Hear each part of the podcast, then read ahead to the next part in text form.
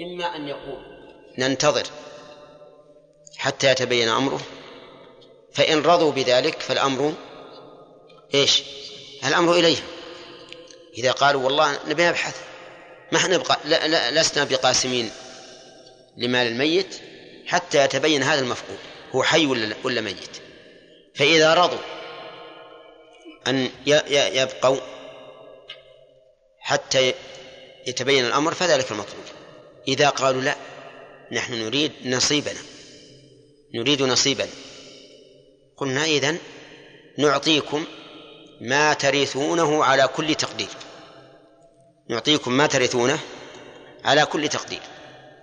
وأما ما فيه احتمال أن لا ترثوه مع وجود المفقود فإننا لا نعطيكم إياه. وحينئذ ينقسم الورثة إلى ثلاثة أقسام. الورثة الذين يشاركهم المفقود إلى ثلاثة أقسام. قسم لا ينقصه المفقود شيئا سواء سواء وجد أو أو مات.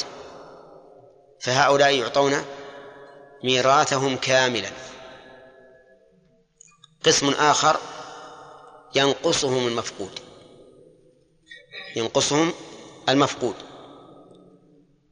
قسم ثالث لا يرثون مع وجود المفقود. كم الأقسام؟ ثلاثة. فأما الذي لا ينقصه المفقود شيئا فيعطى حقه كاملا. وأما الذي ينقصه المفقود إن كان موجودا فيعطى الأقل من حقيه. الأقل من حقيه. وأما الذي لا يرث مع وجود المفقود فلا يعطى شيئا. فلا يعطى شيئا. مثال ذلك هلك هالك عن جدة جدة وزوجة وعم شقيق وابن مفقود وابن مفقود. معلوم؟ إيش؟ وعم شقيق وابن مفقود. الجدة لا ينقصها المفقود شيئا. سواء وجد ولا ما وجد. لأن لها السدس على كل حال. فهذه تعطى نصيبها كاملا ليش؟ ها؟ لأن المفقود لا يؤثر عليها بزيادة ولا نقص وجودها وعدمه. فتعطى نصيبها كاملة كاملا. الزوجة ينقصها المفقود ولا يحرمها. إن كان موجودا حين موت أبيه فللزوجة الثمن وإن كان معدوما فللزوجة الربع إذا ماذا نعطيها؟ ها؟ نعطيها الثمن طيب أنقص الحقين بالنسبة للعم العم لا نعطيه شيئا لا نعطيه شيئا ما نسقطه لا نعطيه شيئا لماذا؟ لأنه إذا كان الابن موجودا فلا شيء للعم. وإن كان مفقودا فله الباقي.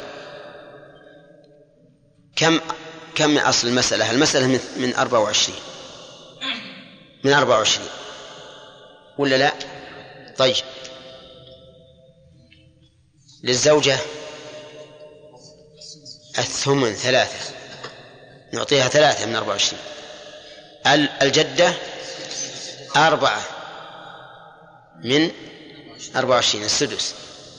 كم يبقى معنا؟ يبقى معنا سبعة عشر. يبقى معنا سبعة عشر. السبعة عشر هذه توقف. توقف. إن تبين أنه حي حقيقة أو حكما فهي لورثته لورثة الابن. وإن تبين أنه ميت ردت إلى مستحقه. الجدة. تعطى شيء؟ الجدة ما نعطيها شيء. ليش؟ لأن نصيبها أعطيناه إياه. لها السدس وأخذت. الزوجة نعطيها ثلاثة. ها؟ نعطيها ثلاثة. لأن هي أخذت الثمن ثلاثة. وتبين أن لها الربع. وربع 24 كم؟ ستة. إذا نعطيها ثلاثة. وش يبقى معنا؟ أربعة عشر لمن؟ للعم. أربعة عشر للعم. عرفتم؟ طيب. هذه مسألة بسيطة يعني لو حليناها هكذا حل بدوي بسيطة. لكن العلماء جعلوا لها قواعد. قالوا بأن تجعل مسألتين. مسألة حياة ومسألة موت. وتحصل أقل عدد ينقسم عليهما. تحصل أقل عدد ينقسم عليهما. يعني إذا كان بينهما تباين تضرب كل واحدة بالأخرى. توافق تضرب وفق إحداهما بالأخرى. تماثل تكتفي بواحدة. طيب. إذا حصلنا أقل عدد ينقسم قسمناه على كل مسألة. قسمناه على كل مسألة. ليش؟ لاستخراج جزء سهمها. لاستخراج جزء سهمها. ثم نقول من له من المسألة مسألة الحياة من له شيء من مسألة الحياة أخذه مضروبا بجزء سهمه ومن له شيء من مسألة الموت أخذه مضروبا بجزء سهمه عرفتم؟ ولكن إذا كان له من مسألة الحياة من مسألة الموت دون مسألة الحياة نعطيه من مسألة الموت. ولا نعطيه من مسألة الحياة. يعني في مثال اللي ذكرنا. العم له نصيب إذا قدر موت المفقود. هذا ما نعطيه لأنه محروم في مسألة الحياة. فنوقفه. فهمتم عمليه الآن؟ نطبقها يلا. التداخل منقسمة. تكون منقسمة. إن كان إن كان الصغيرة داخلة في الكبيرة يكتفى بالكبيرة. نعم. يلا. من عليك عليك أنت يلا. المسألة اللي ذكرنا تو.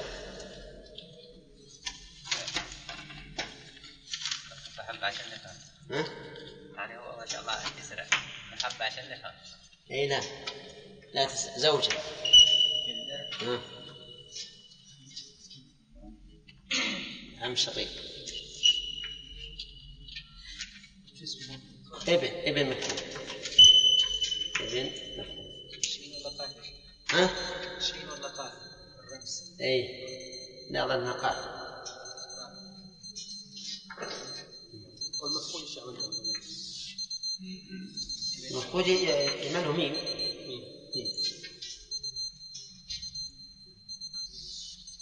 ميم أكتب ابن. وش؟ كتبت ميم ولا كتبت وش؟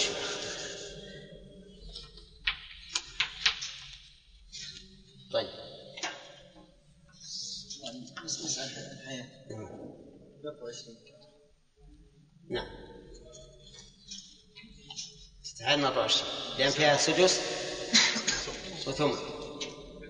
طيب. الثمن ثلاثة. نعم. والجدة السدس والباقي حط 17 مسألة مسألة الموت. عند الورثة؟ عند الورثة ولا لا لا ما حاجة. زوجة حاء وتاء حط المسألتين حياة تاء حاء هدر الكتاب.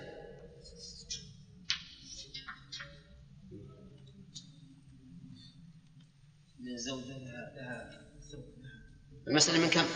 ربع وسدس 12 طيب.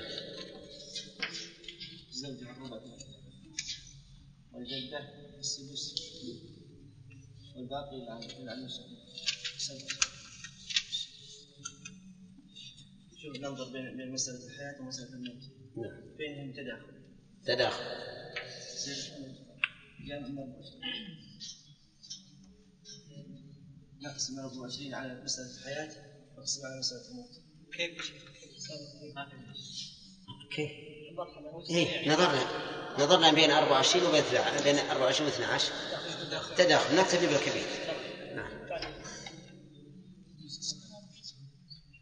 نقسم على مسألة الحياة نطلع جزء سهم يطلع واحد. وعلى مسألة الموت على 12 اثنين. طيب. نضرب. طيب الآن وش نبي نعامل الزوجة؟ على أنه حي ولا ميت؟ على انه ميت لا إذا نعطيها من مسألة الحياة. ثلاثة واحد. زين. والجدة لا ينقص عشر. زين. نعطيها مسألة الحياة. زين. زين. حتى لو أعطيت من مسألة الموت بيطلع لأنه ما يتساوى. يتساوى الحياة والموت. والعم نوقف ما له شيء. طيب. والابن لا.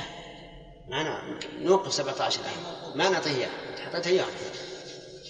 يعني معناها الآن ال- ال- ال- تأكدنا نوزع. كم؟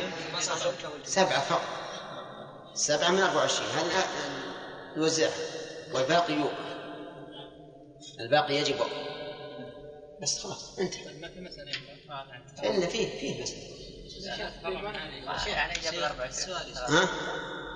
كيف؟ جابت 24 حتى 43 كيف؟ هنا وين هذا الأرواح؟ والباقي الباقي 17 يوقف إلى الآن. يعني ما يعطى لا العم ولا لا العم ولا ولا المفقود. حتى حتى يتبين. إذا تبين أن المفقود مات قبل موت صاحب المسألة ذي من يكون له؟ لا. إذا تبين أن المفقود قد مات. قد مات قبل موت المورث.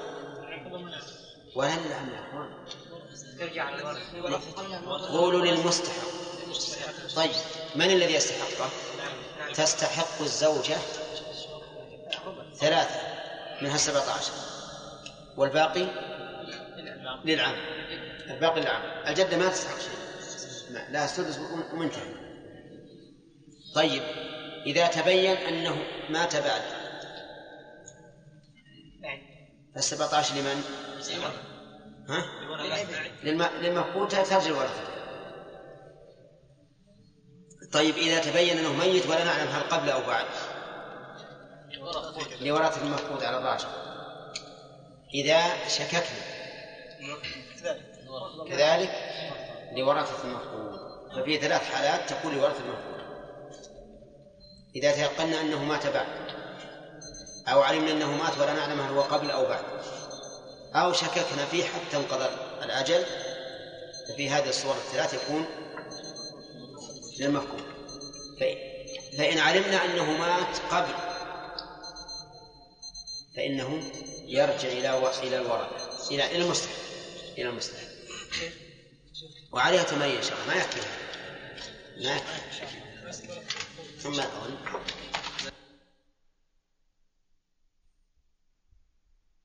والصلاة والسلام على نبينا محمد وعلى آله وأصحابه أجمعين.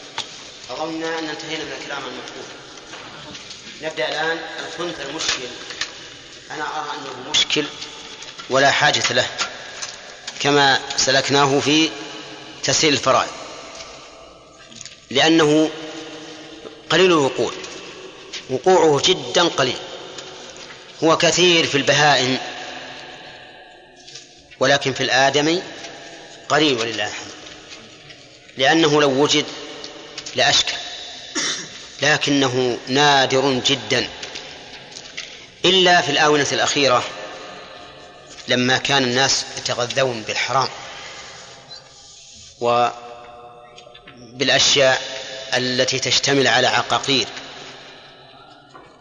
تؤثر في الأجنة فإنه كثر أو صار له وجود صار له وجود. واللافي في الأول كنا نقرأه دراسة نظرية لا تطبيقية. لأنه لا يوجد. لكن وجد تأتي حالات. حالات تشبه ما ذكر الموفق رحمه الله بن قدامة أنه ذكر له ثلاثة أشخاص. ثلاثة أشخاص عبد الرحمن. شخص ليس له مخرج من الأسفل. لا قبل ولا دبر. وإنما يأكل ويشرب فإذا امتصت الأمعاء أو المعدة منافع هذا الأكل والشرب تقيأه فخرج. فيكون التقيؤ بمنزلة البول والغائط. يا ولد انتبهوا جزاكم الله خير. لا تشوشون علينا الله يهديكم. اطلعوا من طالع بارك الله فيكم.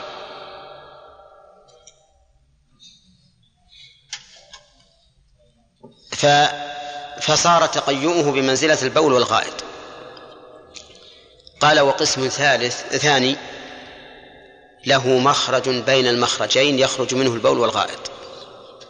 الله أكبر. ما له لا ذكر ولا فرج. له ثقب بين مخرجين يخرج منه البول والغائط. والثالث رجل له دبر يعني مخلوق له دبر وليس له قبل لا ذكر ولا فرج. إنما له شيء ناتئ في محل الفرج يخرج منه البول نضحا نضحا كالعرق. قال فهؤلاء وأمثالهم لهم حكم الخنث المشكل لهم حكم الخنث المشكل. أما الخنث المشكل عند أهل العلم فيقولون هو الذي له آلة ذكر وآلة أنثى. آلة ذكر وآلة أنثى ولكنه لم يتبين أنه من الذكور أو من الإناث. يبول منهما جميعا ولا ولم يظهر له علامة خاصة بالرجال ولا علامة خاصة بالنساء. لكن هو قليل. والمهم بالنسبة للدرس معرفة أحكامه هل يلحق بالإناث ولا يلحق بالذكور؟ الجواب أن غالب مسائله يراعى فيها الاحتياط. يراعى فيها الاحتياط. ففي باب التحريم يغلب المنع. في باب التحريم يغلب المنع. وفي في باب الإيجاب يغلب الإلزام. هذا هو الغالب على مسائله. أما تغليب المنع في باب التحريم فلأن هذا احتمل في حقه الحظر والإباحة فغلب جانب الحظر. وأما في الإيجاب فهذا أيضا اجتمع في حقه موجب الشيء ونافيه فغلب جانب الموجب. وهذا أغلبي وليس دائما على كل حال. أما بالنسبة لميراثه فنظرا لقلته ولتشتته فإننا نضرب عنه صفحا. لننتقل إلى الحمل الكثير الوقوع الحامل الكلام فيه أولا في شرط في شروط إرثه وثانيا في كيفية إرثه وثالثا في كيفية إرث من معه. ثلاث مباحث. أما شروط إرثه فيشترط تحقق وجوده حين موت المورث. تحقق وجوده حين موت المورث. لكن بماذا نتحقق؟ بأن تلده أو بأن يولد لأقل من ستة أشهر من موته ويعيش. بأن يولد لأقل من ستة أشهر ويعيش. لأنه إذا ولد لأقل من ستة أشهر وعاش علمنا أنه كان حين موت مورثه ها موجودا. لأنه لا يمكن أن يسقط لأقل من ستة أشهر ويعيش أبدا. فإن أقل الحمل الذي يمكن أن يعيش فيه آه، الجنين ستة أشهر. الدليل الدليل سمعي وحسي. أما السمعي فقوله تعالى والوالدات يرضعن أولادهن حولين كاملين لمن أراد أن يتم الرضاعة. وقوله تعالى وحمله وفصاله ثلاثون شهرا. وقوله تعالى وفصاله في عامين. فصاله في عامين. فإذا جعلت الحمل والفصال ثلاثين شهرا والفصال عامين كم صار مدة الحمل؟ ها؟ ستة أشهر. وقد ذكر ابن قتيبة في المعارف أن عبد الملك بن مروان الخليفة الأموي المشهور ولد لستة أشهر. ولد لستة أشهر. والله أعلم. طيب هذا واحد. إذا ولدته لأقل من ستة أشهر من موت المورث وعاش فقد تيقنا أنه إيش؟ موجود. موجود حين موت المورث. طيب. وإن ولدته لأكثر من أربع سنين علمنا أنه ليس بموجود. أنه ليس بموجود. لماذا؟ لأن أكثر الحمل أربع سنين. وهذا محل خلاف لكن يعني نشرحه الآن وبعدين نشوف. فإذا ولدته لأكثر من أربع سنين منذ مات مورثه فإنه لا يرث. لأننا نعلم أنه إنما نشأ بعد موت المورث. إذ لا يمكن أن تزيد مدة الحمل على إيش؟ أربع سنوات. إذا عندنا حالان الآن. حال نتيقن وجوده وحال نتيقن عدمه. ما هي الحالة التي نتيقن وجوده؟ إذا ولدته قبل تمام ستة أشهر من موت المورث وعاش بشرط. بشرط يعني إذا ما عاش يمكن يسقط لأربعة أشهر. الحالة التي نتيقن عدمه إذا ولدته بعد أربع سنوات بناء على أن أكثر مدة الحمل أربع سنين. طيب إذا ولدته بين ذلك فيما بعد ستة أشهر ودون أربع سنين فإن كانت توطأ لم يرث. لاحتمال أن يكون نشأ من الوطء الذي بعد موت المورث. وإن كانت لا توطأ ورث. ورث. لأنها إذا لم توطأ فقد علمنا أنه نشأ. ها؟ متى؟ قبل موت المورث. فيرث. فصارت المسألة الآن واضحة ولا غير واضحة؟ إذا ولدته لأقل من ستة أشهر وعاش. ها؟ فقد تيقن وجوده فيرث حتى وإن كانت توطأ. إذا كان لأكثر من أربع سنين فلا يرث سواء توطأ ولا ما توطأ. لأن أكثر مدة الحمل أربع سنين. إذا ولدته فيما بين ذلك ننظر. فإن كانت توطأ لم يرث وإن كانت لا توطأ ورث. ليش؟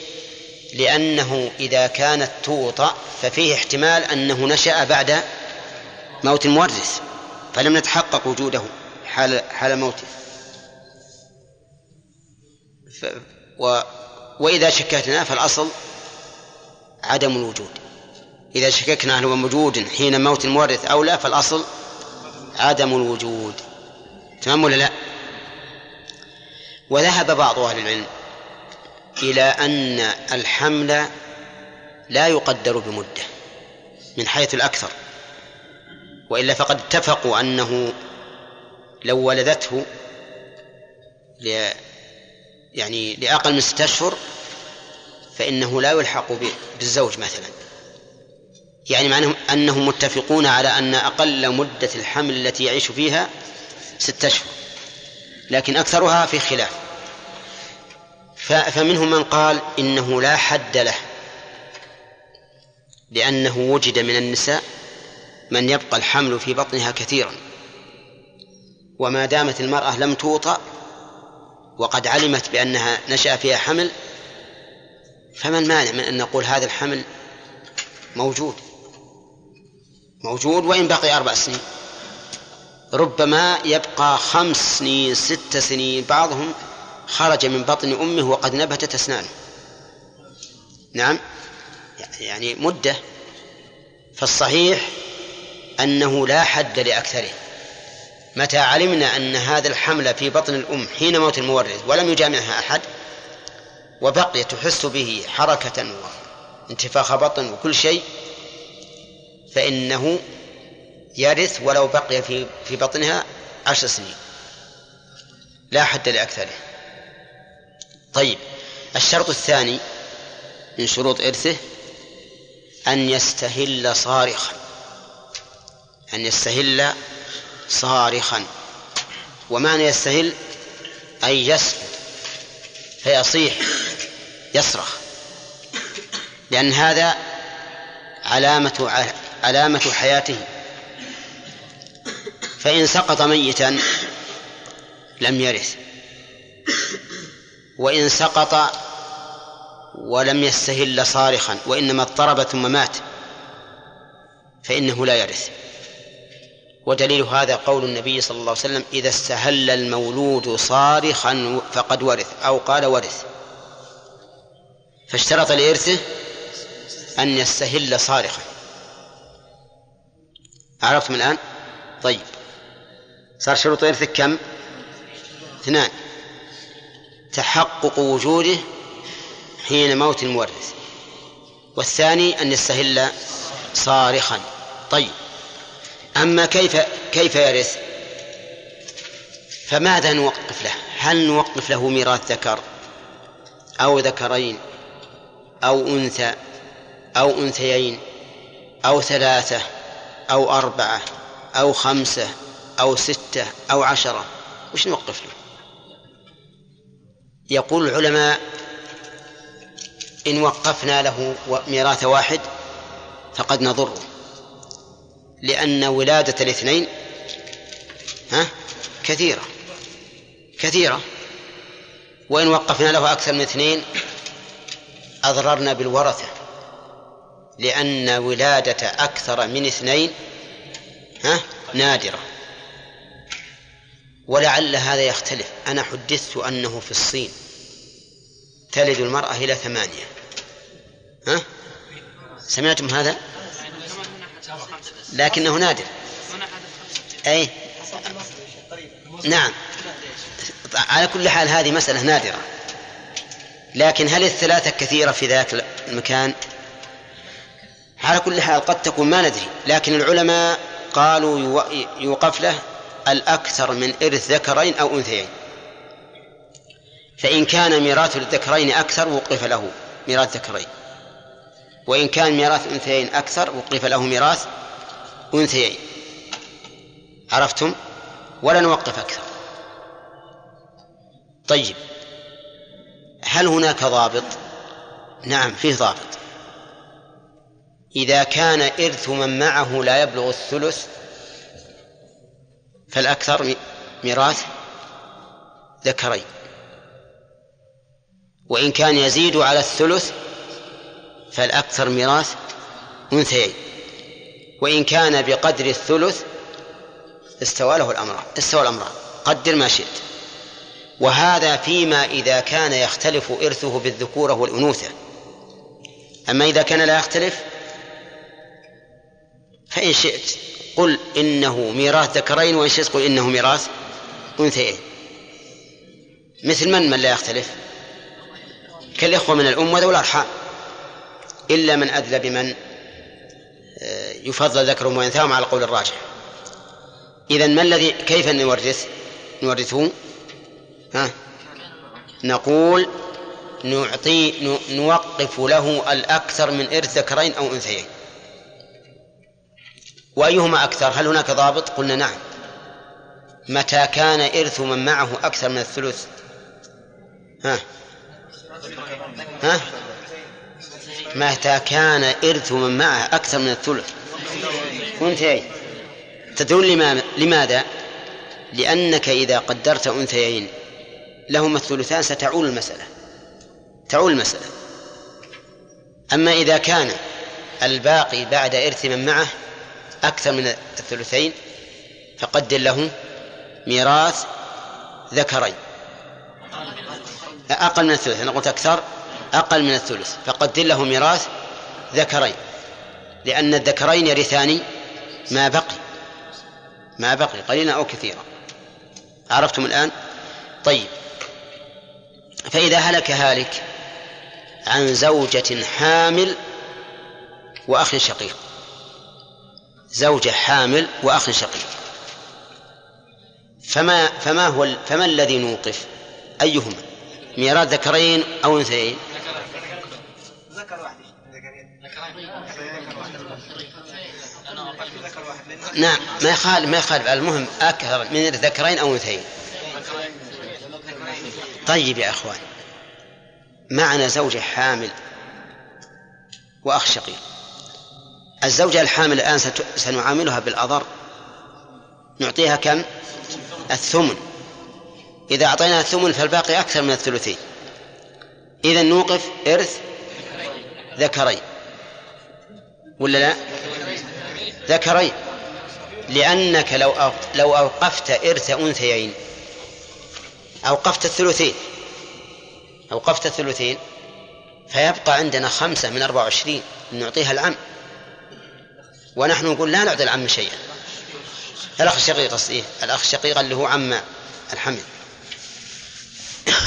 طيب إذا في هذا المثال نوقف؟ الأكثر من الذكرين. طيب هلكت امرأة عن زوج. زوج. وأم حامل بأخوين شقيقين.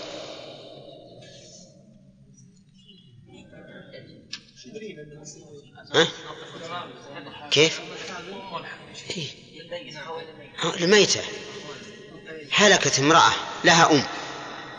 لها أم. حامل بأخوين شقيقين. سبحان الله ما تصورونه؟ وزوج. زوج. لها زوج. وهي حامل. نعم. آه نعم. عن زوج وأم حامل بأخوين شقيقين. دقيقة. ما هو الأكثر هنا؟ إرث ذكرين أو أنثيين؟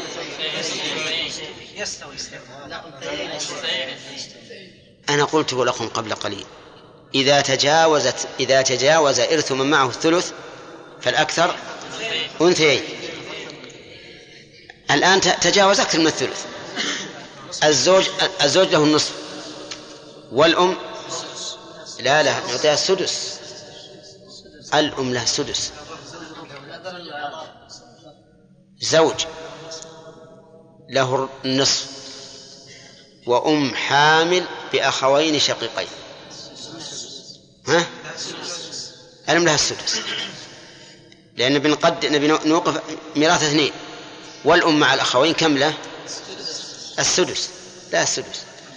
إذن عندنا نصف سدس ثلثان. نوقف إرث أنثيين. ونقول هلكت هذه المرأة عن زوجها وأمها وأختيها الشقيقتين. أختيها الشقيقتين. واضح؟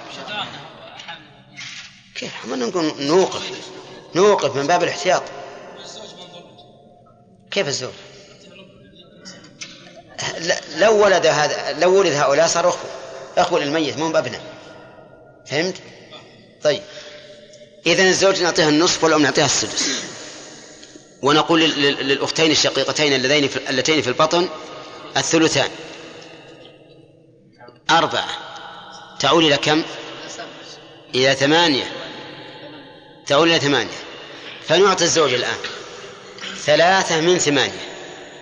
يعني نعطيه نصفا عائلا. ونعطي الأم واحد من ثمانية. سدسا عائلا وهو الثمن. يبقى عندنا أربعة. يبقى عندنا أربعة. صح؟ طيب نوقف. إن تبين أن الحمل إن, إن مات الحمل قبل أن يخرج. آه كيف عاد نرجع؟ آه ما في قد حصتها؟ الزوج لا يرد عليه. إذن يعود على الأم. يكون للزوج النصف والباقي للأم فرضا وردا. كذا ولا لا؟ طيب. وإن تبين أنهما ذكر أو ذكران. صار صارت المسألة من ستة. إن تبين أنه ذكر أنه ذكران صارت المسألة من ستة. للزوج النصف ثلاثة وللأم السدس واحد والباقي اثنان للأخوين. وإن تبين أنه واحد ها؟ نعم. وله الباقي. عندنا الآن ثلث ونصف. من ستة. من ستة. المسألة. من ستة بارك الله فيك. للزوج النصف ثلاثة. وللأم ثلث واحد. والباقي للأخ الشقيق. أنا قلت لكم واحد. ولهذا ما صار ما صار للأم الثلث إلا لما كان واحد. لما كان واحد. ها؟ طيب ذكرنا يا أخي. قلنا لما ولدت لما ولدت تبين الآن. إحنا الآن كم وقفنا في المثال يا أخوان؟ إرث أنثيين. إرث أنثيين. وقفنا أربعة من ثمانية. وأعطينا الزوج ثلاثة وأعطينا الأم واحد. كذا ولا لا؟ وضعت المرأة. شوف الآن التقديرات. وضعت ثلاث إناث. لهما الثلثان الأربعة الموجودة. وضعت ثلاثة ذكور نرد إيه. ترجع المسألة من ستة. للزوج النصف ثلاثة. وللأم السدس واحد والباقي للإخوة. للثلاثة. لأن الإخوة الآن سواء ثلاثة أو اثنين أو واحد. كلهم عصر ما لهم إلا الباقي. طيب تبين أنه واحد. تبين أنه واحد. من ستة. للزوج النصف ثلاثة. وللأم الثلث اثنان والباقي للأخ الشقيق. تبين أنه أخت شقيقة واحدة. لها النصف. والأم الثلث. فتعول فتكون مسألة من, من ستة للزوج النصف ثلاثة وللأخت الشقيقة النصف ثلاثة وللأم الثلث اثنان تعول إلى ثمانية. تعول إلى ثمانية. أي نعم. واضح؟ طيب. إيش هو؟ شقيقة واحدة. شقيقة. بلى أم الزوجة كانت حاملة. بأخ شقيق. ها؟ أخت شقيقة أختها يا أخي. امرأة تزوج أمها ويصير هذا فرع- وارث. أختها هذه. طيب وش اللي فهمتم الآن؟ أنه يعامل ومن معه بإيش؟ بالأحوط. أحسن من كلمة بالأضر الفرضيون يقول بالأضر نقول أحوط. فيوقف له إيش؟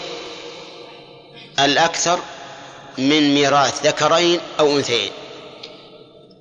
فمتى يكون الأكثر إرث أنثيين؟ إذا كان إرث من معه دون الثلث. أكثر من الثلث. فهنا يوقف له إرث أنثيين. دون الثلث؟ الثلث يستوي. كذا ولا لا؟ طيب. نعم. قولك الأول فإن كانت يعني حامل. يعني إذا قد تزوجت على شخص آخر. فتبين المرأة أنها حامل بما أن تضع حتى ت- ما تزوج على شخص آخر حتى تضع حملها. صحيح. فكيف هي حامل الآن؟ تبين أنه حامل كيف تتزوج تطأ ما تبين. من يقول تزوج؟ قلت توطأ يعني أنها قد تزوجت على واحد يعني تظن إنه ما ما, ما يموت الإنسان عن عن امرأة حامل إلا إذا كان زوجا لها؟ يمكن تكون امه يمكن تكون امه ولهذا لاحظ الآن أنه في بعض الأحيان يقول بعض الأزواج لا تعطى زوجها. لا تعطى زوجها. ها؟ يعاير به. إي نعم إذا كان من أولاده يرثون من هذا الميت. كرجل مات عن أخ شقيق وعن أم حامل من غير أبيه زوج لا وعن أم متزوجة بغير أبيه أم متزوجة بغير أبيه وعن أخ شقيق. يقول للزوج لا تعطي الزوج. لا تعطي ليش؟ قد تكون حامل. احتمال أن تكون ما ندري الآن هي حامل ولا غير حامل. إلى متى لا أعطى؟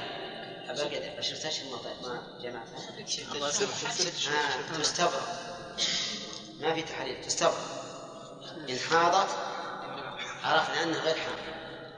وإن لم تحض فهي حامل. أفهمتم؟ طيب ليش نمنعه؟ لأنه لو جامع وأتت بولد لأكثر من ستة أشهر صار عندنا إشكال.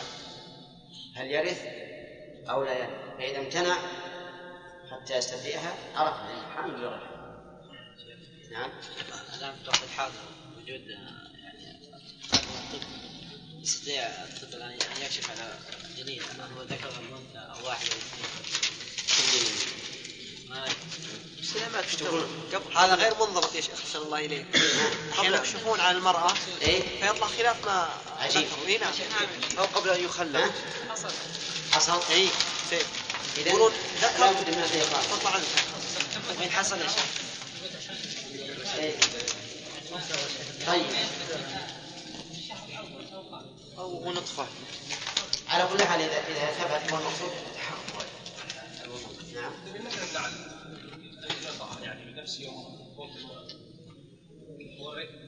هو المقصود التحقق نعم لا الموت الموت إيه. نعم. لماذا العلماء مسائل مسألة حول كون الحمل ذكر مسألة الذكر وإلى أن ولد ذكر أنثى هذا ست مسائل كون ذكر أو ذكرين المسألة نعم. يعني يحتملون مسألة كان الحمل الحمل والحمل ذكر يجعلون مسألة إذا كان ذكر يعني قصدك عمل المسائل حمل إيه. إيه له عمليات عمليات الله يعين لا يستلزم نبي نفهم الأحكام الآن تقدير نعم ست تقديرات إيه ذكرين بسم الله الرحمن الرحيم. الحمد لله رب العالمين والصلاة والسلام على نبينا محمد وعلى آله وأصحابه أجمعين. آه، تكلمنا عن الحمل وذكرنا كيفية إرثه وشروط إرثه. فكيف يرث يا محمد؟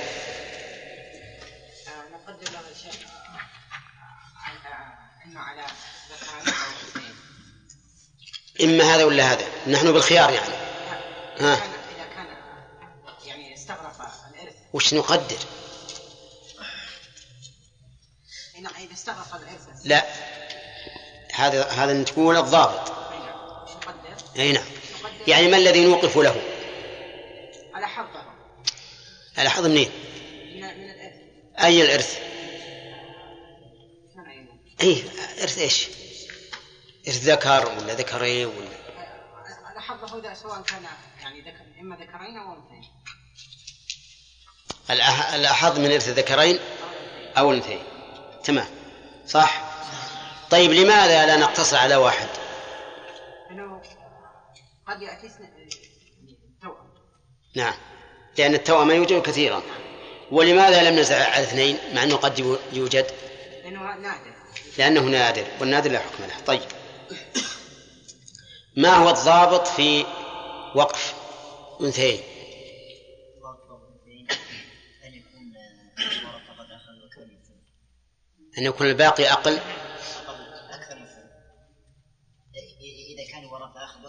أن يكون الباقي أقل من الثلثين. أن يكون الباقي هو اللي أخذ الورثة. يعني أنتم الآن إذا غيرت عليكم العبارة اختلفتم؟ أقل من الثلثين فيرث اسم فنقدر ميراث أنثي اسمه أنثيين يعني امرأة اسم بنتين يعني أنثيين وإن كان وإن كان أكثر من ثلثين يقدر من الذكرين صحيح. صحيح. إيه؟ إذا كان الباقي ما هو المأخوذ. إذا كان الباقي أقل من الثلثين ها. إذا كان الباقي الباقي ما هو اللي أخذ أقل من الثلثين. وقفنا أنثيين ميراث اثنين وإذا كان الباقي أكثر من ثلثين وقفنا إرث ذكرين. هذا بمعنى قولنا إذا كان المأخوذ أكثر من ثلثين وقفنا أنثيين. أكثر من ثلث. أي نعم. وقفنا أنثيين وإذا كان أقل من ثلث وقفنا إرث ذكرين. المعنى واحد. نعم. والإنسان يعرف أن المعنى واحد سواء قيل كذا أو كذا. طيب. لإرثه شروط يا حسن له شرطان أولا أن يتأكد يعني وجوده في أمه بعد موت مورثه وعلامة ذلك أن إذا ولد ولد بعد ستة أشهر أو حي و... بعد؟ إذا ولد؟ يعني في ستة أشهر. بعد ولا قبل؟ بعد. بعد. قبل قبل ستة أشهر. قبل ولا بعد يا شيخ؟ كيف؟ قبل؟ يعني بعد ستة أشهر. إذا ولد بعد ستة أشهر. و... و... وعاش وعاش. ولا ما يحتاج يعيش؟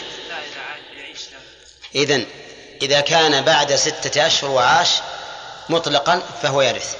طيب. خطأ؟ نعم فهد؟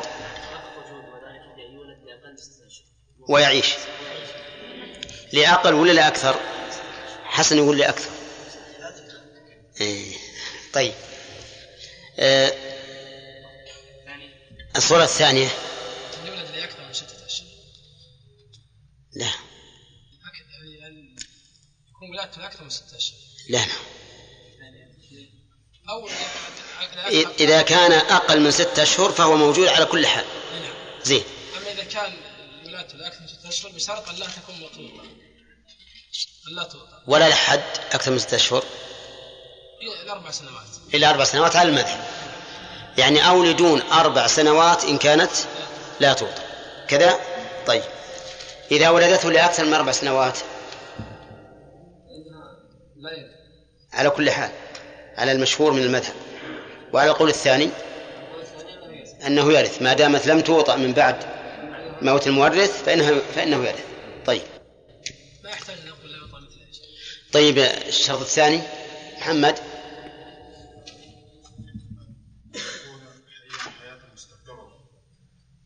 وهو في بطن أمه. أن يوضع وفيه حياة ويكون ذلك باستهلاله أي أي بصراخه صح؟ طيب آه، كيف يرث من معه؟ ه- ناخذها الآن إن شاء الله كيف يرث من معه؟ نقول يرث من معه اليقين وذلك بأن نعام- نعامله بالأحوط فمن كان لا يرث مع وجود الحمل لم يعطى شيئا. ومن كان يرث ناقصا أعطي الميراث الناقص. ومن كان يرث بلا نقص أعطي ميراثه كاملا بلا نقص. هذا إرث من معه. فصار إرث من معه على الوجوه الثلاثة. من لا. من من لا يستحق معه الإرث ها؟ فهذا لا يعطى شيئا ومن يرث ناقصا يأخذ الإرث الناقص. ومن لا ينقصه شيئا يأخذه كاملا. كذا؟ فلو هلك هالك عن جدة وزوجة حامل منه وأخ شقيق زوجة وجدة حامل وأخ شقيق. لا. زوج نعم زوجة حامل وجدة. زوجة حامل وجدة وأخ شقيق. فهنا نقول أما بالنسبة للجدة فإنها تأخذ السدس كاملا لأنها سترثه على كل تقدير. وأما بالنسبة للأخ الشقيق فلا يعطى شيئا. لاحتمال أن يكون الحمل ذكرا. وأما الزوجة فتعطى الثمن فقط ولا تعطى الربع لاحتمال أن يولد حيا. فإن ولد ميتا أخذت الزوجة تمام الربع وأخذ الباقي الأخ الشقيق.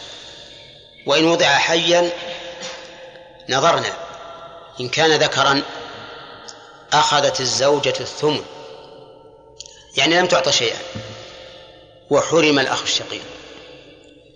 وإن كان أنثى أخذت الزوجة الثمن وللأنثى هذه النصف والباقي الأخ الشقيق. وإن كان أنثيين فأكثر فالزوجة لها الثمن وللحمل الثلثان والباقي للأخ الشقيق فصار إرث من معه على هذه الوجوه الثلاثة. من لا ينقصه ها يأخذ إرثه كاملا. ومن ينقصه يأخذ الإرث الناقص. ومن سقط به لا يعطى شيئا. تمام؟ هذا حكم الحمل. بقينا الآن بالعمل عمل عمل مسائل الحمل. نقول عمل مسائل الحمل. إن اتفق الورثة على على أن يؤجلوا القسمة حتى يتبين أمر الحمل فالأمر إليهم. فالأمر إليهم ولا أحد يقول لا لا بد أن تقسم. وإن وإن لم يرضوا أو كان فيهم صغار أو نحوهم يحتاجون إلى النفقة ولا بد من القسمة فإننا نقسم نقسم كيف العمل؟ نعمل مسائل الحمل لكل تقدير مسألة لكل تقدير مسألة. فنقدر فنعمل مسألة على أنه ذكران ومسألة على أنه أنثيان ومسألة على أنه خرج ميتا. كذا ولا لا؟ طيب. ومسألة على أنه أنثى إن اختلف. الحال وإلا فلا حاجة. فالمثال الذي ذكرنا الآن إذا طبقنا عليه. نقول على احتمال أنه خرج ميتا تكون المسألة من ستة. خطأ. من اثني عشر. تكون من اثني عشر. للزوجة ربع ثلاثة. وللجدة الثلث اثنان. ويبقى سبعة للأخ الشقيق. وعلى تقدير أنه ذكر. أنه ذكر. فالمسألة من أربعة وعشرين. للزوجة الثمن ثلاثة وللجدة الربع السدس أربعة والباقي سبعة عشر للابن. للابن أو الابنين ما هي لا, لا يختلف. طيب. وعلى تقدير أنها أنثى واحدة. تقدير أنها أنثى واحدة. من 24 للزوجة الثمن ثلاثة. والجدة السدس والبنت النصف اثنا عشر. هذه تسعة تسعة عشر والباقي الأخ الشقيق. وعلى تقدير أنهما اثنتان أنثيان. من أربعة وعشرين أيضا. للجدة السدس أربعة وللزوجة الثمن ثلاثة ولهما الثلثان ستة عشر. هذه ثلاثة وعشرون والباقي للأخ الشقيق واضح؟ طيب إذا نعملها على السبورة. فيقوم عبد الله المرشود. عبد الرحمن. ها؟ تقديرات الست بعض الناس يحلها على ست تقديرات. يعني تقدر ذكر انثيين ذكر وأنثى حياة وموت.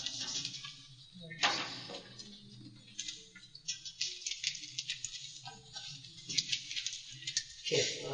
جدة وزوجة نعم. حامل. حامل. طيب. حامل ح...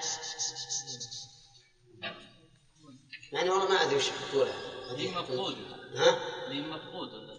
اي يعني مفقود ممكن نحط ابن ابن حمل تحط ابن تحت. اي حامل. ابن حمل طيب شقيق.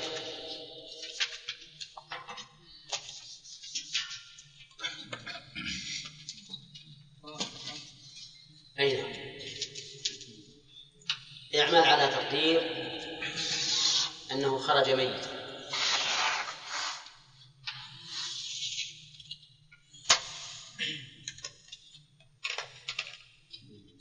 اللي بين الزوجة و أو هذا ما بعد ظهر من بطنه.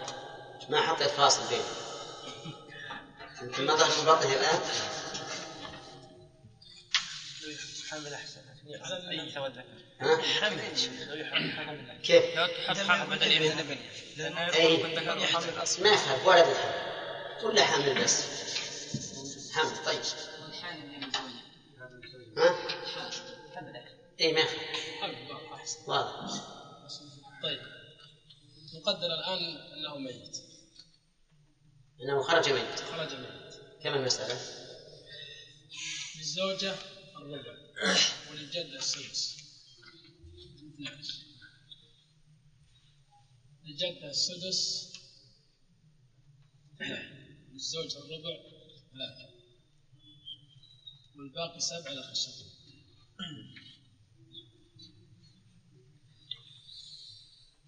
نقدر الآن أنه ذكر أو ذكرين. ها؟ ذكر أو ذكر. هنا يختلف ذكر أو ذكرين أو عشرة أو ذكر. من 24 للجدة السدس أربعة وللزوجة الثمن ثلاثة. والباقي 17 نعم. تقدير إنه انثى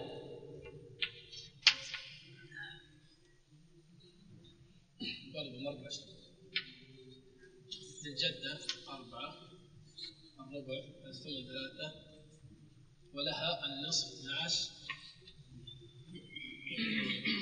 سبعة 19 والإخلاق خمسة 11 طيب تقدير اثنين أكثر من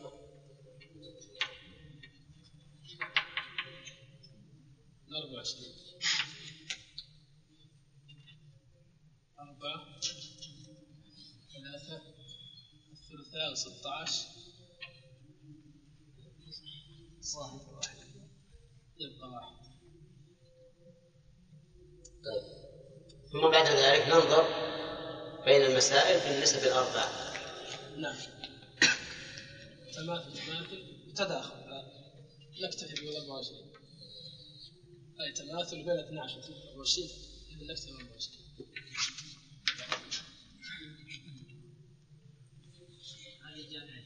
اي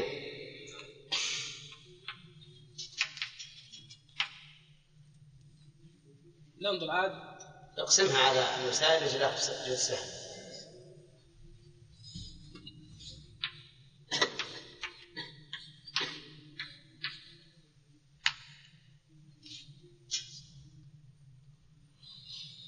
ننظر عاد ما هو الأضر للورثة؟ طيب. بمعنى الأحوط للحمل أما الأخ الشقيق فلا يأخذ شيء بالنسبة لمسألة إذا كان ذكرا. كل. بالنسبة للأخ الأخ الشقيق ما له. إذا كان إذا كان اثنين يأخذ الباقي. إيه، لكن يحتمل أنه ذكر. أي نعم. يحتمل لا يأخذ شيء أخ ما يأخذ شيء. يحتمل يكون نعم. أما الزوجة نعطيها الأمر له وهو الثمن والجدة لا تختلف. إذا عطل تعطيها أربعة ثلاثة.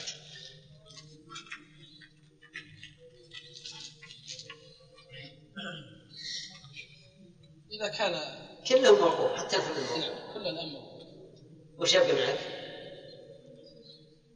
يبقى 17 يبقى 17 عاد ينظر في الموضوع. موقوف 17 واضح يا جماعة؟ زين. ولهذا بعضهم يقول ما احتاج اننا نحط مسألة فيها انثى ثالث يعني نحط مسألة ذكورة ومسألة أنوثة ولو واحدة. متى ما فيها عول ما يحتاج ليش؟ لأنه يقول أن مثلا الذي لا يرث الذي لا يرث لا يعطى شيء. والذي ينقصه الحمل لا يختلف بين النقص بين كونه ذكرا أو أنثى أو ذكرين أو أنثيين. ولهذا لا لا يجعلون إلا ثلاث مسائل. مسألة أنه خرج ميتا ومسألة أنه ذكرين ومسألة أنه أنثيين. هذا إذا لم تحتج إلى عون أما إن حاجت إلى عون نقدر أنثيين وأنثى واحد. ولكن طيب. أيما أضر أيما أضر أيما أضر أنثيين أو أنثى واحدة بالنسبة لبقية الورثة ها؟ أن نقدر أنثيين. إذا ما حاجة نقدر أنثى واحدة. ما دام ما دام الأنثيين أضر فلا فائدة من من عمل المسألة لأنثى واحدة. وهذا هو الذي مشينا عليه في التسهيل. أننا قدرنا ذكر أو أنثيين فقط. لأن الذكر أضر من جهة والأنثيين أضر من جهة والأنثى الواحدة؟ ما ما له تأثير ما دمنا سنعامل بالأضر. نعامل بالأنثيين أضر. أضر من الأنثى الواحدة طيب إذا ممكن الآن نقتصر على أن يكون ذكرا أو أنثيين فقط ذكر وانثى ما يختلف الذكر والأنثى بالنسبة للموجودين معه. بالنسبة للموجودين معه ما يختلف. إذا ولد عاد ينظر قد يكون. قد يكون غير ذكرين قد يكون ثلاث ذكور. وقد يكون أربع إناث. ويحتاج وقد يكون خمس. يحتاج إلى تصحيح. لكن بالنسبة لإرث من معه لا يختلف ذكر واحد أو ذكر واحد أو أنثيين. يعني تجيب مسألتين مسألة ثلاث مسائل فقط. مسألة أنه خرج ميت. أنه ذكر أنه أنثيان فقط. نعم. استفد شيخنا قلنا نعمل مسألة أنثى واحدة حتى ننظر إذا إذا شو اسمه طلعت أنثى واحدة نعطيها تكون المسألة محدودة. لا هو هو بيوقف أنثيين. لو عملت أنثى واحدة كم تتوقف؟ لا بس إذا إذا طلعت أنثى دعني إذا طلعت كم تتوقف الآن بالنسبة أقل للوقت؟ أقل من أقل من. لا تتوقف اثنتين يعني إحنا بنعامل بنعامل الورثة بماذا؟ ولكن بالأقل بالأحوط بالأحوط. أو بالأضر إن شئت فما دمنا نقدر أنها أنثيان ما حاجة نعمل مسألة أنثى واحدة حتى يا شيخ إذا ولدت يعني تكون مسألتها معروفة. طيب لكن بالن- بالنسبة بالنسبة للورثة الموجودين الآن الأنثيين طيب. ما يستفيدون من الأنثى واحدة وإحنا نريد أن نعمل هالمسائل من أجل أن نعطي الورثة حقهم. الذين يطالبون اصبر. الذين يطالبون بالميراث. فإذا الأضر إما ذكورة سواء واحد ولا متعدد لأنه لا يختلف وإما أنثيان نعمل المسألة الدورية اللي فيها الاحتياط. وأما أنثى واحدة فإن فإنه بالنسبة للورثة ما يستفيدون شيء لأننا لأننا لن نعطيه باعتبارها أنثى واحدة. أولا هل نعطيهم باعتبارها أنثى واحدة؟ ما نعطيهم مع أنه مع وجود احتمال أن يكون اثنتان أو اثنتين. فلهذا ما حاجة نقدر ست مسائل. يعني بعض الناس يقول إما ذكر واحد أو ذكران أو أنثى واحد أو أنثيان أو ذكر وأنثى. ما حاجة. لا ما حاجة. نقدر وش الأضر الأضر إما ذكور ذكورة أو أنوثة متعددة. بس. وبعد ما تطلع نسوي وبعد ما طلع عندنا شهود لأن ربما بعد تطلع تحتاج إلى تصحيح. نعم. وش أحمد؟ مسألة عن الذكر والأنثى. نعم. قواعد الفقه أنه إذا كان الذي مع الحمل نصيبه أكثر من الثلث نقدر الحمل. انتهي نعم. الباقي أكثر من الثلث أكثر من الثلث إيه الباقي أكثر من الثلث نقدر بس اثنين ويكفي بقدر إيش؟ اثنتين ذكرين. بقدر ذكرين. الباقي أكثر من الثلث أي لأن السدس سدس ثمن مقدر ذكرين. لكن من أجل الاحتياط. ها؟ كيف؟ قدر انه ذكر ما- نفس الشيء العم مال الشيء شيخ. العم مال الشيء والزوجة لها الثلث الزوجة لها الثلث والجدة لها السدس معروف شيخ. اصبروا يا جماعة هذه صرت أتكلم واحد؟ لا تتكون أنا مالي قلبي. إيش؟ قل يعني إذا كان ذكر وانثى تحتاج عمليه أو ما ما تحتاج إلا بس عند قسم نصيب الحمل فقط. أما بالنسبة لمن معه ما نستفيد شيء أبدا ما نستفيد. مع أننا لو- قدرنا أنه من الأصل ما دمنا نقول أنه إذا بقي أكثر من الذكور فال- فالأحوط الذكران لو لو لم نعمل إلا واحدة كفى. لكن نعمل من أجل المقارنة. نعمل الفرضيون عملوا ذلك من أجل المقارنة. بين أكثر نعم. شيخ الان يا شيخ الطب يحدد إذا كان إذا كان متعدد أو إذا كان ذكر أو انثى إذا قال هم نجعله إذا حدد الطب أنه أنثى. يقول اعطينا نصيبا من حق الأنوثة على هذا. في احتمال أنها تموت. لا يقول هم على اعتبار أنها حية وأضر لهم أنها حية. أنا قلت لكم العلماء كتبوا هذا قبل أن يظهر العثور على الحمل. فإذا قال الاطباء يقين مئة بالمئة صح لكن البارحة قال لبعض الاخوة هنا. إنهم يقدرون ويخطئون. وبناء على ذلك لا بد من الاحتياط. ما في فرق بين تقدير على القاعدة؟ ما في فرق بين تقدير ذكر أي إذا نعم، لو لا. ذكر فنأخذ المال تعصيبا لا لا فرق. ما في حاجة نحن نقدر ذكرين؟ ما حاجة. قدر ذكر واحد. بس ولا حاجة نقدر انثى واحدة أيضا. أين؟ ما دام في احتمال يكون اثنين نقدر الأضرار طيب. واضح ولا لا؟ يعني انتهينا من انتهينا من لا يحتاج امثله الباقي يوقف حتى يتبين الحمل شيخ إذا تبين إذا تبين إذا تبين أنه موجود أعطينا الزوجة الربع وأعطينا الباقي كملنا لها الربع وأعطينا الباقي لها. شيخ نعم في حالة كون ذكر وأنثى نعم. هل يرثهم إرث ذكر؟ هنا الذك- الذكر لكن لكن يوزع بينهم للذكر إي نعم بس نعم. دائما دائما يرثهم الذكر. هنا يعني ما يزيدون على الذكر. لأن لأن البنت أصبحت الآن عاصرة إي نعم عاصرة في أصيل. ها يا جماعة. يعتبر نفسنا خالص؟ ها؟ ها؟ ناخذ أمثلة على هذه. واضح بسم الله الرحمن الرحيم. قال المؤلف رحمه الله تعالى باب ميراث الغرقى ونحوهم. الغرقى جمع غريق.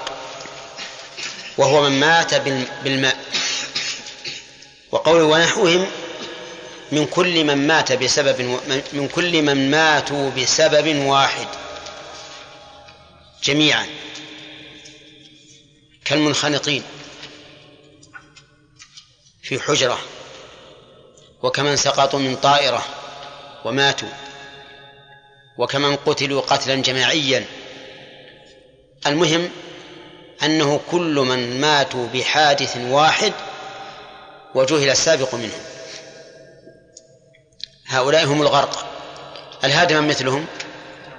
ها؟ لو انهدم عليهم جدار فهؤلاء مثل الغرق. لو سقطوا في بئر فكذلك. لو احترقوا فكذلك. فما حكم هؤلاء؟ نقول هؤلاء لهم أحكام. أو لهم أحوال في الواقع. لهم أحوال. الحال الأولى أن نعلم أن موتهم وقع في حال واحدة. بمعنى أنه لم يسبق بعضهم بعضا. فهؤلاء لا توارث بينهم. لا توارث بينهم. بدليل القرآن والسنة والواقع. القرآن قال الله تعالى ولكم نصف ما ترك أزواجكم إذا فالحي باقي ولا لا؟ ها؟ لكم نصف ما ترك إذا هؤلاء تركوا ماتوا وهؤلاء بقوا وفي الحديث الصحيح عن النبي عليه الصلاة والسلام ألحقوا الفرائض بأهلها ولا فرائض إلا بعد موت ولا أهل إلا في حال في حال حياة فإذا علمنا أنهم ماتوا جميعا بلحظة واحدة فلا توارث بينهم. الحالة الثانية أن نعلم المتأخر منهما بعينه. مات ومات ابن وأبوه وعلمنا أن الابن متأخر فهذه لا إشكال فيها. أن الوارث من؟ الابن لأنه متأخر. الحالة الثالثة أن نعلم أن أحدهما متقدم ولكن لا نعلم عينه. نعلم أن أحدهما متقدم ولكن لا نعلم عينه. هذه ثلاثة. الحالة الرابعة أن نعلم عينه ولكن ننسى. ننسى أيهما مات؟ نعم. آه ننسى ما علمناه من قبل. الحالة الخامسة أن نجهل كيف وقع الأمر. ما عندنا أي معلومة عن هذا الشيء أو أي فكر. عرفتم يا جماعة الآن؟ الحالة الأولى إذا علمنا أنهما ماتا جميعا فقد قلنا إنه إيش؟ لا توارث. وإذا علمنا المتأخر بعينه ثبت التوارث. والإرث لمن؟ للمتأخر. أما الحالة الأحوال الثلاث إذا علمنا أن أحدهما متأخر ولا نعلم عينه أو علمنا ثم جهلنا أو نسينا. أو لم نعلم عن أي حال وقع. ففي هذه الأحوال الثلاث خلاف بين العلماء. منهم من قال إنه لا توارث. منهم من قال إنه لا توارث. لأنه من شرط الإرث العلم بتأخر الوارث. وهنا لم نعلم. إذ أن من شرط الإرث أن نعلم بتأخر حياة الوارث. أو نحكم بذلك كما في مسألة المفقود. أما هذا فلم يحصل علم. وهذا القول هو الراجح. وذلك أن الحكم إذا علق بشرط فلا بد أن يتحقق ذلك الشرط. وإرث الإنسان لموروثه معلق بحياته. وإذا كان معلقا بحياته فإننا إذا جهلنا هذه الحياة نعم فلا فلا توارث. وهذا مذهب الشافعي كما ترون. قال المؤلف رحمه الله وإن يمت جمع بشيء كالغرق ولم يكن يعلم عين من سبق. أو علم ثم جهل. أو علم ثم نسي فلا تورث بعضهم من بعض. وبالتراث لسواهم فقض بالتراث لسواهم فقض نعم. وذلك لعدم تحقق شرط التوارث وهو العلم بحياة الوارث. وهذا اختيار شيخ الإسلام ابن تيمية وهو الراجح. ويشت... والقول الثاني أن كل واحد منهما يرث من الآخر لكن من تلاد ماله أي من قديمه دون ما ورثه منه دفعا للدور دفعا للدور. فيرث كل واحد من الآخر من تلاد ماله دون ما ورثه منه دفعا للدور. وهذا القول هو المشهور من مذهب الإمام أحمد قالوا لأن لأن كل واحد يحتمل أن يكون سابقا. والسابق موروث. فيحتمل أنه زيد ويحتمل أنه عمر فيكون موروثا. واشترطوا أن لا يختلف الورثة فيه. بأن يفوض الأمر إلى الله. فيقول والله ما نعلم. فأما إذا اختلفوا وقال أحدهم بل المورث هو المتأخر فإنه إن أقام بينة حكم بأنه الوارث دون الآخر. وإن لم يقم بينة فلا توارث. ويظهر المثال ويظهر حكم ذلك بالمثال. فهذان رجلان. مات لهما عتيقان بغرق. رجلان مات لهما غرقان آه، عتيقان بغرق ولم يعلم السابق. أو علم ثم نسي أو لم نعلم هل هو فيه تقدم وتأخر أو لا. وكان عند عتيق زيد ألف مليون. وعند عتيق عمر عشرة دراهم وهما أخوان. العتيقان أخوان. فعلى القول بأنه لا توارث يكون مال عتيق زيد لزيد. ومال عتيق عمر لعمر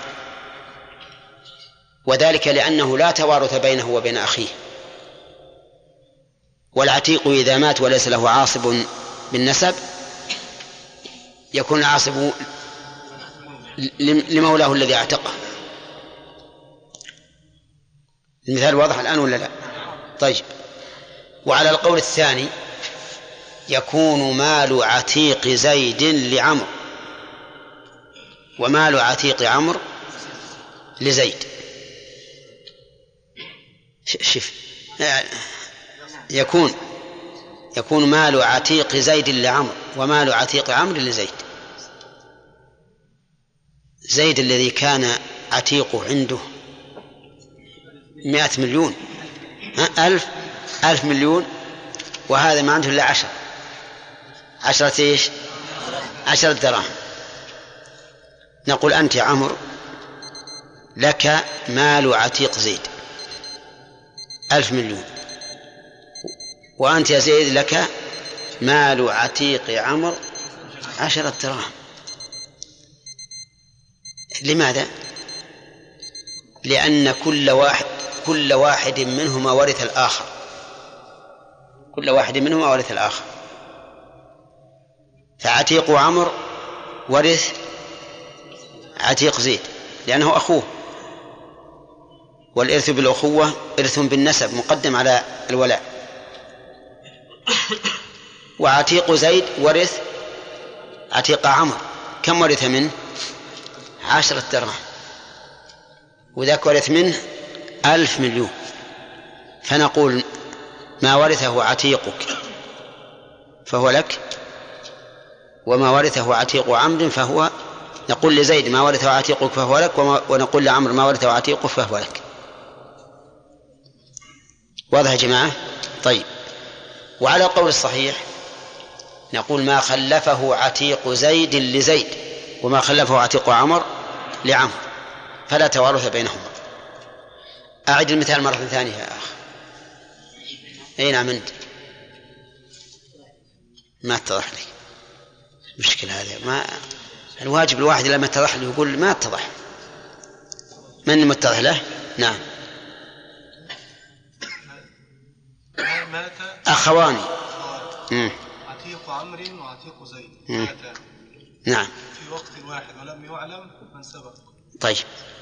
فالقول آه، على قول الشافعي آه، يرث يرث آه، عتيق. طيب وكان وخلف عتيق زيد ألف مليون وخلف عتيق عمر عشرة دراهم. ها.